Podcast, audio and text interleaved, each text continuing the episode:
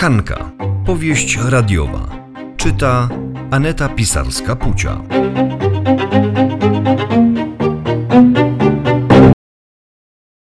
Powieść radiowa Hanka, odcinek 24. Menadżerka. I co, Jagoda? Udało ci się poderwać tego Antosia, wioskowego przystojniaka?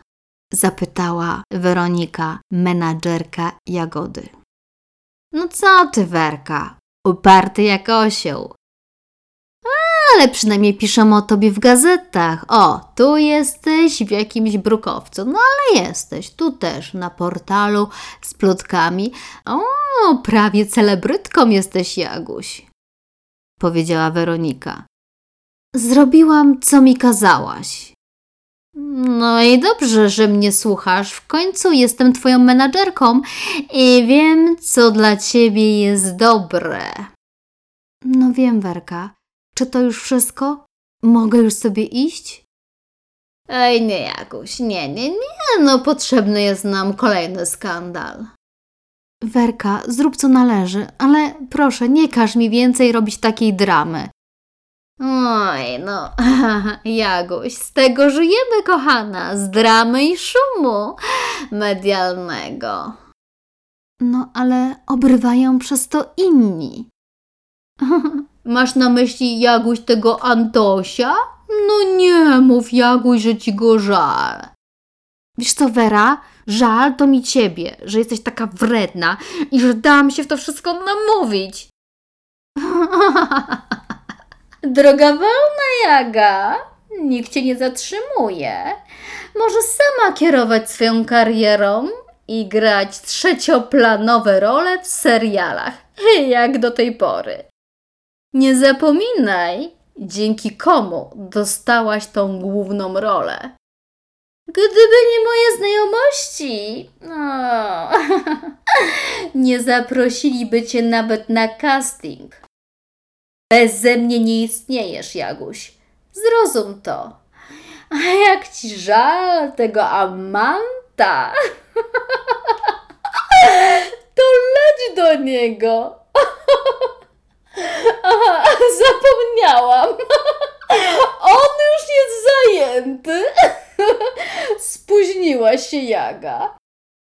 A za chwilę odjedzie ci spod nosa prawdziwa szansa na zrobienie kariery.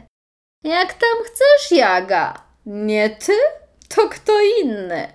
Show business nie lubi pustki. Za chwilę znikniesz z pierwszych stron gazet, a twoje miejsce zajmie bardziej zdeterminowana i żądna sukcesu osoba. Masz rację, Vera. To bez sensu. Słyszysz? Rzucam tę robotę, ten film. Idźcie wy wszyscy w cholerę zostawcie mnie. Hmm. Jaga, jeszcze będziesz mnie prosić o pomoc. Hmm, no to na co czekasz, Jaguś? Leć do Antosia. Uuu. Szkoda tylko, że on na ciebie już nie czeka. Ma inną. Jesteś wredna, Wera. Wiesz co? Jesteś wredna. Dopiero teraz to widzę. Hmm. Może jestem wredna, ale w tej branży takim trzeba być. Tu nie ma miejsca na sentymenty. Kiedyś to zrozumiesz, Jaga.